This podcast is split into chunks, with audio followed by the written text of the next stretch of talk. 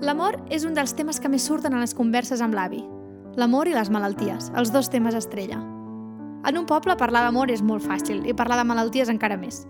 Tots i totes ens coneixem, o sigui que és molt fàcil caure en la conversa de la de cal no sé què ara surt amb el no sé qui. O bé, el de cal no sé qui la de cal no sé què han renyit. També que se'ls veia, oi? A la generació de l'avi la majoria d'històries d'amor eren d'amor romàntic o d'amor per conveniència i no precisament dels propis enamorats, sinó de les seves famílies.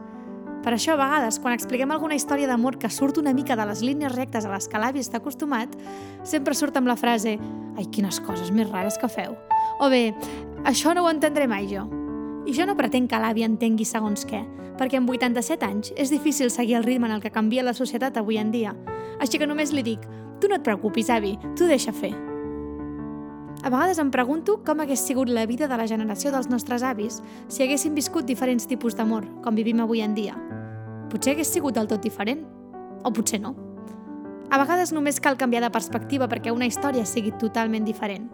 L'avi, però, crec que es quedaria sempre amb l'amor romàntic. I tu? Quin amor vius tu? Na, na,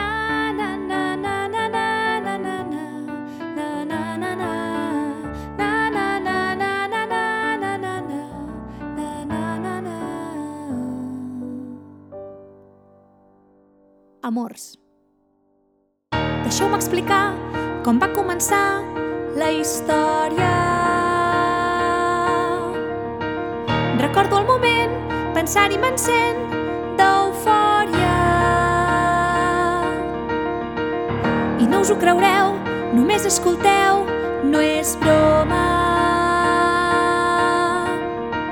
La vida és així,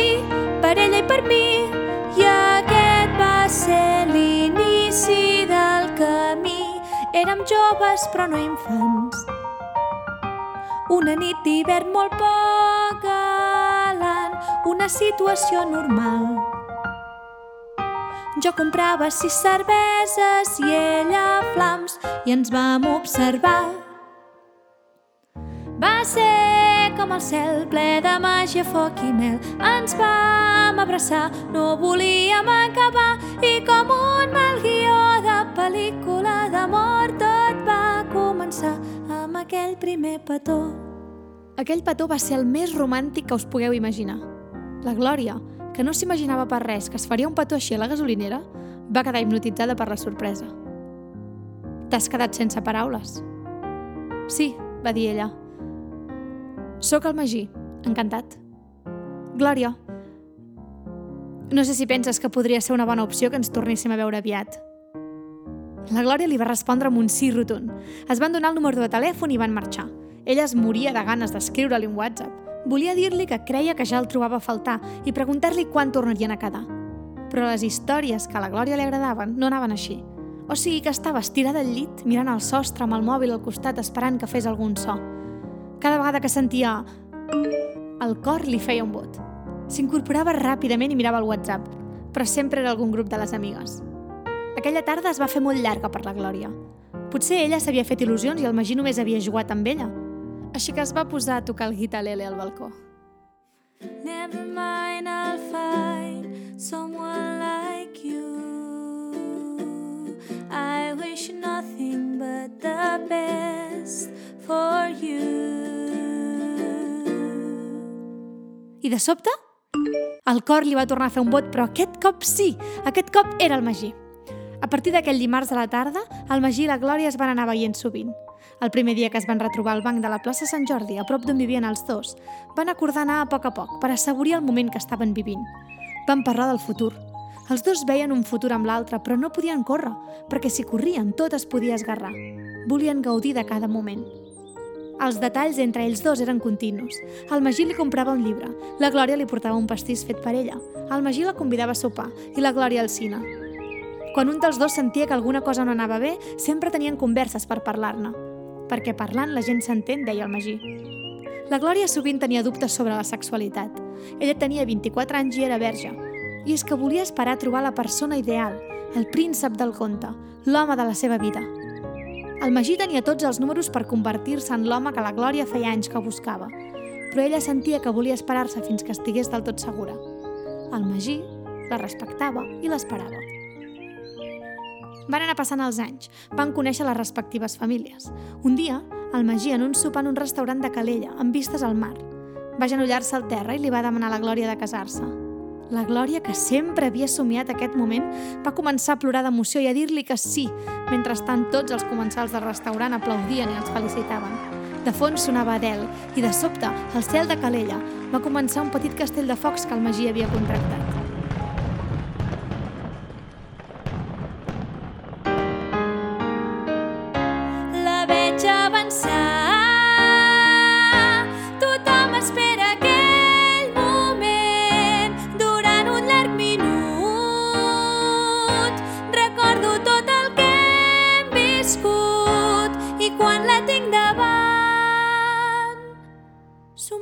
Quedo mut. Després del casament, la Glòria i el Magí van anar a viure junts en una casa de pel·lícula. Van tenir tres fills rossos amb els ulls blaus, tot i que ells eren tots dos morenos. Es feien fotos de família semblants a un posado de la ola. Es van jubilar i segurament es moririen els dos alhora, agafats de la mà. Així és com seria la història de la Glòria i el Magí si fos una història d'amor romàntic, clàssic i fins i tot embafador. Què passaria si la història de la Glòria i el Magí fos una història d'amor no correspost? Deixeu-me explicar com va començar la història. Recordo el moment, pensar-hi m'encén d'eufòria. I no us ho creureu, només escolteu, no és broma. La vida és així,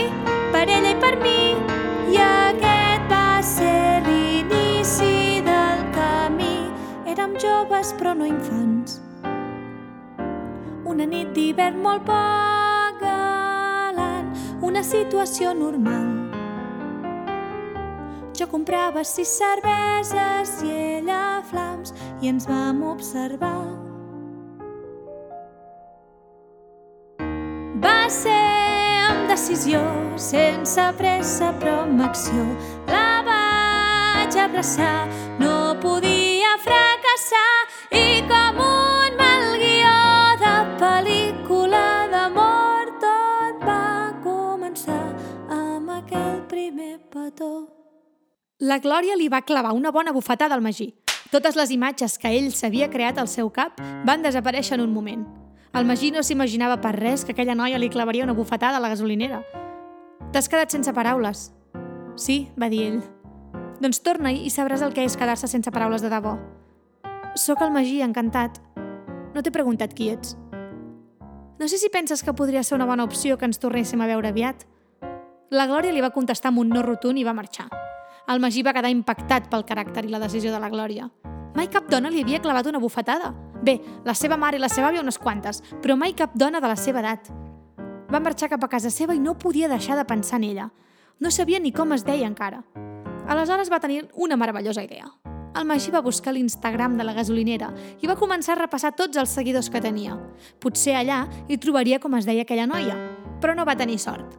Potser sí que era una de les seguidores, però potser era un dels perfils que estaven tancats i que no es podia apreciar la foto de perfil. Llàstima, va pensar. L'única forma que tenia de saber més d'ella era tornar-la a trobar a la gasolinera. Però quan hi anava ella? A quines hores? El Magí va decidir esperar-la cada vespre. A les 7, quan sortia de la feina, anava a la gasolinera a veure si venia. S'esperava fins les 11 de la nit quan tancaven. Els primers dies no va tenir sort, però ell no desesperava. L'endemà hi tornava. Però el divendres, per fi, després de tantes hores d'espera, la va veure entrar. La va seguir molt dissimuladament per veure què comprava. Dos flams d'ou, un paquet d'olives, un paquet de crispetes, un paquet de formatge manxec, una barra de pa i un paquet de tabac. Quan ella va marxar, el Magí va anar a pagar i va marxar també. Va agafar el cotxe i va anar corrents cap a casa seva.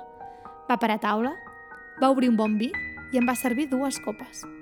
Va menjar pa amb tomàquet i una mica de formatge manxec, va acompanyar-ho amb unes olivetes i de postres es va menjar un flam d'ou. Quan va acabar, es va posar una pel·lícula al sofà i va menjar-se les crispetes. El tema del tabac ja era més complicat. El Magí ho anava allargant i ho deixava pel final, perquè ell no ha fumat mai ni volia fer-ho. Però el fet d'imaginar-se compartint amb aquella noia que encara no coneixia la seva vida era superior al seu sentiment en contra del tabac. Així que, després de buscar encenedor i llumins per tota la casa, va haver d'anar a casa al veí a demanar-li. El Magís pensava que es podria endur l'encenedor del veí a casa, però per mala sort seva, aquest li va dir que no en tenia més. Així que després d'intentar amb diferents excuses emportar-se l'encenedor, el Magí va haver d'encendre's el cigarret davant del veí. No sabia ni per on començar. No ho havia fet mai ell, això. Va començar a estossegar i va simular que tenia un constipat. El veí al·lucinava. Ell va marxar cap a casa seva i es va esforçar com mai per fumar-se aquell cigarret sencer. Li havia d'agradar com fos, perquè si la noia que li agradava fumava i ell no, no podrien compartir aquests moments junts. El Magí va seguir anant els divendres al vespre a la gasolinera a comprar exactament el que comprava la Glòria i després s'imaginava sopant amb ella. Ja sabia on vivia perquè l'havia seguit algun dia amb el cotxe, però quan la seguia no podia comprar el mateix que ella perquè no tenia temps d'agafar-ho, pagar i seguir-la, així que havia de triar. Ho anava combinant. Finalment, un dia es va armar de valor i es va posar a la porta de la gasolinera a les 9 del vespre, l'hora que la noia sempre entrava per la porta. Es va recolzar a la paret i va encendre's un cigarret. La veig arribar Fa dies que espero aquest instant El següent minut Penso en convidar-la a fer un vermut I quan la tinc davant em mira i quedo mut. La Glòria va entrar directe sense fer-li ni cas. Ell va apagar el cigarret i va entrar cap a dins. S'ho va fer anar bé per coincidir a la mateixa estanteria i li va dir «Perdona, ens coneixem?» «Sí», li va dir ella. «Ets el personatge que em va plantar un petó pensant-se que vivia en una pel·lícula de Hollywood». «Ah, ostres, ets tu! Quina casualitat, no?» «No», Fa setmanes que vens els divendres a mirar què compro a la gasolinera i després compres el mateix que jo. Et penses que sóc idiota? El Magí es va voler fondre allà mateix. Va fer mitja volta per marxar, però ella li va dir «Ei, que si vols viure tota la vida imaginant-te una vida amb mi, endavant, eh? Ja procuraré tenir una dieta més equilibrada els divendres. Ara, si em tornes a seguir fins a casa, truco a la policia, està clar? I per cert, jo no fumo, era pel meu germà. Com més borde es posava la noia, més enamorat en quedava ell. Així que el Magí va seguir anant els divendres a comprar el mateix que ella, però ja no dissimulava. Per no perdre-la, va deixar de seguir-la fins a casa i va deixar de fumar. Així seria la història del Magí i la Glòria si es tractés d'un amor no correspost i obsessiu. Què passaria si la història d'amor del Magí i la Glòria fos un amor pragmàtic? Deixeu-me explicar com va començar la història. Recordo el moment, pensar-hi m'encén d'eufòria. I no us ho creureu, només escolteu, no és broma. La vida és així, per ella i per mi, i aquest va ser l'inici del camí. Érem joves però no infants. Una nit d'hivern molt poc galant, una situació normal. Jo comprava sis cerveses i ella flams i ens vam observar. Va ser ben estrany, però no em va desagradar. Un toc especial vaig haver-me d'esforçar i com un mal guió de pel·lícula d'amor tot va començar amb aquell primer petó. Aquell petó va ser el més estrany que us pugueu imaginar. Ni la Glòria ni el Magí esperaven per res trobar-se en aquella situació a la gasolinera. Es van mirar l'un a l'altre i ell li va dir «M'he quedat així com no sé molt bé què dir». Jo també no sé molt bé el que ha passat. Perdona, sóc el Magí, encantat. Glòria, no ha estat malament tampoc, no? li va dir ella. No. Bé, doncs ja ens veurem, suposo. La Glòria i el Magí van marxar cadascú cap a casa seva. Ni un ni l'altre va donar-li més voltes al que havia passat. Alguna mena de connexió havia fet que els dos es fessin aquell petó estrany a la gasolinera. Una anècdota més per explicar. Les seves vides van seguir de forma habitual fins al següent divendres, que es van tornar a trobar a la gasolinera. Ostres, quina casualitat, no? va dir la Glòria. Doncs sí, la veritat. Et veuràs aquestes sis cerveses tu tot sol? Tens alguna idea millor? Perdona si sóc una mica directa, però se m'acut que podem anar a casa teva i compartir una mica. Jo puc aportar els meus flams, de postres. No és mala idea. Els dos van marxar cap a casa al Magí i van tenir sexe de forma apassionada i salvatge. El Magí li va preguntar si es volia quedar a dormir i la Glòria li va dir que no, que a ella li agradava dormir al seu llit i sola. I així van quedar. La Glòria, tornant cap a casa seva, al cotxe pensava que en realitat al Magí no li agradava gens. A ella sempre li havien agradat els nois així, més aviat hippies i descuidats, i el Magí no seguia gens aquest patró. Però va pensar, per compartir unes cerveses i uns flams tampoc està malament. La situació es va repetir tots els divendres que es trobaven a la gasolinera. No coincidien cada divendres perquè potser la Glòria sortia abans de treballar o al Magí se li feia tard. A vegades també passava alguna situació diferent, com aquesta. Ei, Glòria, compartim unes cerveses i uns flams? Ai, Magí, avui no puc. Avui he quedat per fer uns vins amb un col·lega. Ah, perfecte, gaudeix. Un divendres, després de compartir cerveses i flams, el Magí li va dir a la Glòria Glòria, mira, que jo no estic gens penjat de tu ni res. De fet, no ets gens el meu tipus de noia. I no m'agrada que et depilis, perquè a mi m'agrada tot allò més salvatge. Però mira, estic buscant una noia que pugui ser la meva companya de vida i la mare dels meus fills, perquè vull formar una família. I he pensat que potser tu podries ser-ho. L'observo pensar Fa dies que em plantejo aquest moment i en menys de mig minut reflexiono com serà el futur. La tinc al meu davant i dubto si he perdut. La Glòria li va contestar que no li semblava mala idea. També li va dir que el Magí tampoc era el seu home ideal, però que ella estava buscant algú amb qui compartir les despeses de la vida. Perquè volia passar-se el dia pintant i no volia treballar de res que no fos d'això. Llavors què? Et sembla que siguem parella formal? Sí, sí, perfecte. Tot i que a mi m'agradaria poder seguir compartint vins a fora. Ah, sí, sí, cap problema, eh, jo amb això. Ah, val, perfecte. Quan comencem, doncs?